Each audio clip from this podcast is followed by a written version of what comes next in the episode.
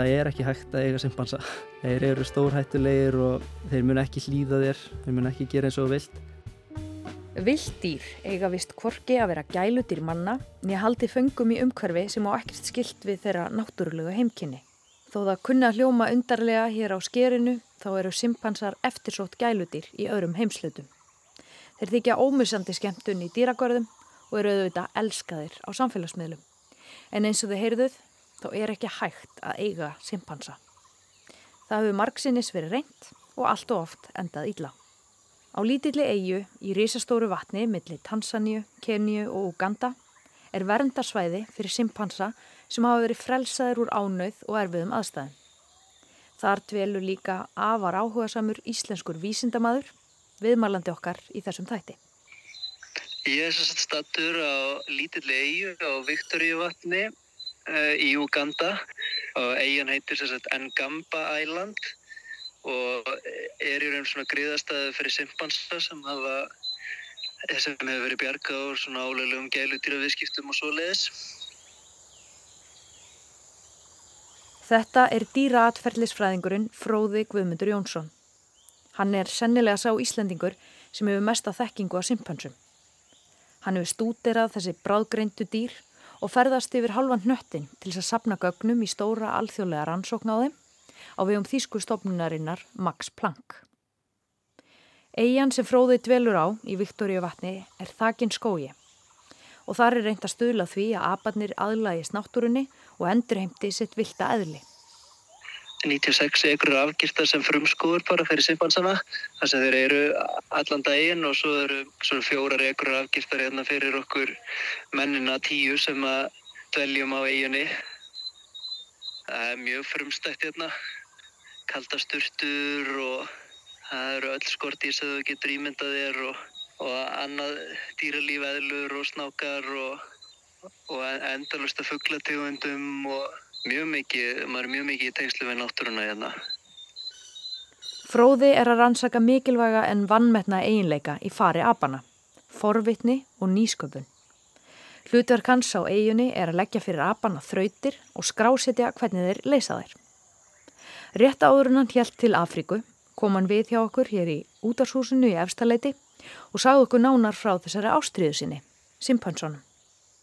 Það er ekkert sérstaklega mikið vitað um uh, hver svona drivkraftur forvitni og nýsköpunar er í, í simpansum öðrum dýrategundum en uh, dýr eru forvitin alveg eins og maðurinn og forvitni og nýsköpun er náttúrulega drivkraftur þróunar og drivkraftur uppgötunar og í þessari rannsókn er svona verið að fara að skoða uh, hvaða þættir hafa áhrif á það hvort að einstaklingur sé forvitin eða, eða líklegur til þess að finna upp á einhverju nýju. Það sem við erum að gera allavega láta simpans að fá einhverja hluti sem þeir hafa aldrei séð áður og það er svona einhver, eitthvað sniðut kannski umhverjunni sem þeir gætu nota hlutin í og við erum aðtöða hvernig er nálgast hlutin, hversu mikið er nálgastan, hvort er snertan, hvort er próan í einhverja hluti og jafnvel hvort er uppgötu eitthvað nýtt sem getur verið gaglegt fyrir þá í umhverjunni. Simpansar eru erðafræðilega mjög líkir mönnum. Um 98% af erðamengi manna og simpansa er eins, en mennirnir hafa greindina umfram dýrin. Í áraraðir hafa vísindamenn reynd að glöggja sig á því hvernig við mennirnir um þróast með því að rína í hegðun ABBA.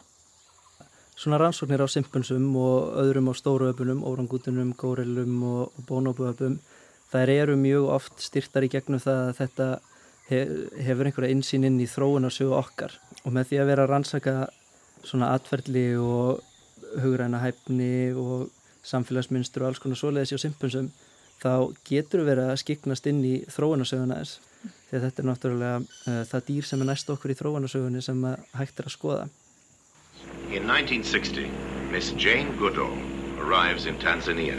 Louis Leakey sent me to Gombe because he believed that an understanding of chimpanzees in the wild would help him to better guess how our Stone Age ancestors may have behaved. Þarna heyrðu við Jane Goodall eða Abakonunni eins og hún hefur alltaf verið kölluð. Allt frá því hún öðlaðist heimsfræð fyrir að halda inn í skólendi Tansaníu, vopnu blaði og penna til að stúdera lifnaðarætti simpansa. Það var fyrir 60 árum síðan. Þá þóttu aðferðir hennar afar umdeldar. Með tímanum hafa uppgötanir hennar þó kollvarpað ímsum ríkjandi kenningum vísindamanna. Meðal annars um að dýr hefðu korki tilfinningar eða persónleika. Jane uppgötaði meðal annars að apar getur búið til og nota verkfæri við að afla sér matar. Fram að því var aðeins talið að mannfólk geti notað áhald. Hún kom til Íslands fyrir sjö árum síðan og hjælt fyrirlestur í Reykjavík. Ég náða henni stuttu viðtali að því tilefni og þá sá hún meðal annars þetta. Það er fyrðulegt að greindasta dýrjarðar er jafnframt það sem mun eigðilegjana. Það er stressandi tilugsun sem knýr mig áfram til að virkja fólk í baróttu fyrir umhverfisvend. Þessi orð Jane Goodall eiga ágætlega við þegar fróði lýsir hættunum sem stæði að simpansum í dag. Mennirnir hafa í setni tíð sótað öpum með margvíslegum hætti. Árið 1900 voru vel á aðra miljón viltra simpansa í Afriku. Nú eru aðeins um 150 viltir simpansar í heimsálfunni. Með ágangi mannfólks í skóaheimsins er lífi og þróun viltra simpansa ógnað. Skóareyðing getur sundra dýrunum, rakið þau frá landsvæðum og samfélögum sem þau tilhera og ítt undir heiftuleg átök um yfiráð. Þegar frumskóðarnir minka, hardna erjur millir simpansa sem getur hreinlega orðið til þess að spekilegi verði úr hópum þessara greindu dýra. Þegar heimkynnið er að minka þá verða frekari árækstrar og millir mismunandi samfélaga og eins og fólk hefur kannski síðan heimildamundum það er ekkert alltaf rosalega gott þegar mismunandi simpansasamfélag mætast og eru í eh, keppnum yfir á svoleiðis og það verður náttúrulega bara með því verður okkur spekileiki mm. þegar eh, stærstu og, og mestu alfasimpansarnir taka þátt í þátt í miklum bardugum sem enda með því kannski að, að þessi stærstu og mestu deyja og öðrum ættbólknum sem verður undir. Þá er mikil kannski atferðlist þekking og, og þekking sem að sam, það samfélagi hefur aflað sér sem tapast. Og síðan þess utan þegar, uh, þegar skóur er ruttur þá ertu kannski líka að stýja í sundur einhverju öðru samfélagi, þú ert ekki bara að reyka því saman og þú ert að setja þú ert að búið til meiri vegalindur á millið þeirra, þannig er erfiðara með að læra okkur um öðrum eða þeir umgangast færri simpansa að því að þjættlingin verður bara ákveð mikill á hverjum stað. Það er ekki þannig að þeir þjàppast á bara allir saman og, og þar verður einhver sprenging á alveg aðeinsleiri þekkingu. Heldur eru þeir alltaf að keppast möðlindir. Þannig að það er nú einhver svona, eitthvað þakkaði hver hópur getur verið stór. Mm. Þannig að með því að vera riðja skóinum þá ert í raun að íta þeim öllum í sundur og náttúrulega bara minka stopnin. Og trubla svona einhvers konar viðkvæmt vistkerfi? Já, alveg klárlega, alveg klárlega. Þetta er til dæmis verið að eigða út einhverjum trjátegundum sem er notað í að búa til tól til þess að uh, veiða termíta og termítabúum eða ná í hunangur og bíflugnabúum og, og svo framvegis. Hmm. Eru þá kannski bara sterkustu, líkamlega sterkustu dýri nótt sem verða ofan á og, og greindari dýr sem verða undir? Það er aðalega þannig já í, í svona simpansa samfélögum að það eru þessi stærst og sterkustu, þeir eru eiginlega alltaf alfasimpansinn og, og hann hefur gífurlegt vald yfir sínum ættbálki eða sínu samfélagi og, og það er alltaf svona mikil spenna eiginlega innan, innan uh, þessara samfélaga út af yngri simpansarnir þeir eru allir drippnir á því að þeir vilja verða alfasimpansar en sem kemur að því eru fullvaksnir kannski rúmlega 10 ára, 10-12 ára. Og ef þeir átt að segja á því þeir geti ekki orðið alfasimpansinn þá fara þeir að reyna að búa til sambönd og reyna að komast inn í sterkari klíkuna til þess að verði ekki undir að, að lokum. Er þetta eitthvað ólíkt í hvernig mannfólk hafa sér? Nei, ekkert svo myndi ég að segja. Aftur að Jane Goodall. Hér er hún spurðið út í það sem henni mislíkar í fari simpansa What did you find about them that you didn't like? I hated the fact that they could be very cruel and brutal uh, and that they have a dark side just like us. Did it surprise you that they could be so cruel? It did. I thought they were like us but nicer. And they're not? No, they're just like us. What do you love about them? Oh, just everything. Já, Jane varð hissa þegar hún kynntist myrkur hliðum á simpönsum. En aftur til Afríku þar sem fróði dvelur á eigu með 50 simpansum sem hafa verið frelsaður úr ánöð. Þar gengur á ímsu.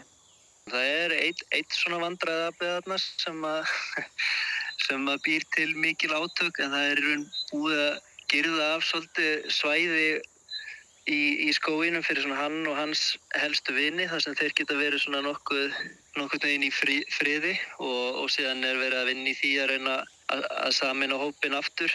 En þetta er náttúrulega 50 simpansa hópur er nokkuð stór hópur til að vera í svona einu samfélagi og þeir eru náttúrulega allir með mismunandi bakgrunn hafa ekki alist upp saman. Koma allir einir eftir erfiðar svona frekar traumatískar aðstæður náttúrulega af því þeim hefur öllum verið bjargað á svona erfiðum aðstæðum. Þannig að Það er eiginlega bara magnað hvað hva starfsmenn svæðisins hérna hafa gert vel í því að samina hópin. Það fylgir nú alltaf simpum að það sé einhver læti og æsingur og, og menna sína sig og reyna að komast ofar í gokkunaröðin en, en engin alvarleg átök.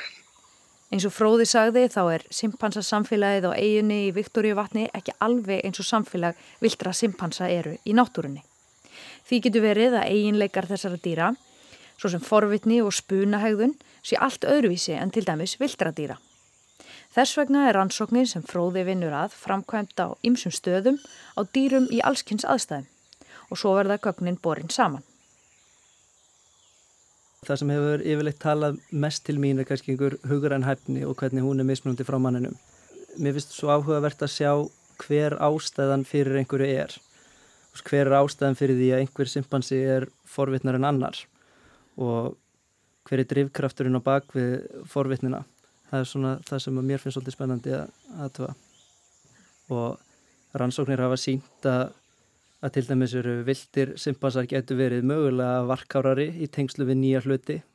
Þannig að kannski lýsir það sér í minni forvitni eða slíku, bara út af að það getur verið hættulegt að vera forvitin í, í náttúrunni og, og prófa eitthvað nýtt, þú getur rekið á eitthvað beitt, þú getur smakkað eitthvað sem er eitrað eða eitthvað slíkt á meðan dýragarsimpansar þeir eru kannski talsvert líkleri til þess að prófa nýja hluti, hafa alltaf verið verndu umhverfi og, og yfirleitt alist upp í dýragarðinum og verið jafnvel hafa menn og starfsmenn dýragarðsins haldi að þeim einhverju nýjum hlutum, einhverju þrautum, eitthvað svona til þess að halda hugunum aktífum. Og, og síðan er líka kenning að þessir simpansar á, á þessum eh, verndasvæðum að þeir séu jafnvel enn bældari eftir fyrir áföll þeim hefur bjargað úr til dæmis óleglega gæludýra við skiptum með einhverju slíku.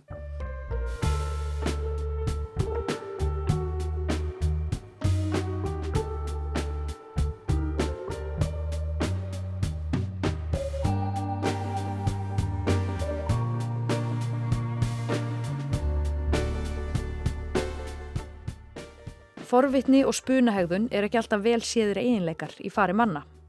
En það eru nú samt eiginleikar sem gera það verkum að við þróumst og viðum að okkur nýri þekkingu. Okkar maður Fróði heldur áfram að stúdera þessa eiginleika í fari simpansa og síðar í vettur heldur hann til Sambíu á annað verndarsvæði þar sem fleiri apar býðans. Fróði hefur áður fjallað um atferðli ímissa dýra hér á rás 1. Í fyrra flutti hann pisla í lestinni meðal annars um flugur, krákur og núfubaka sem við bendum dýraelskandi hlustendum góðfúslega á. En við ljúkum þessum þætti í dag á glæníu stefi eftir meistaran Davíð Bentsen og verðum hér aftur á morgun strax að loknum hátteisfréttum.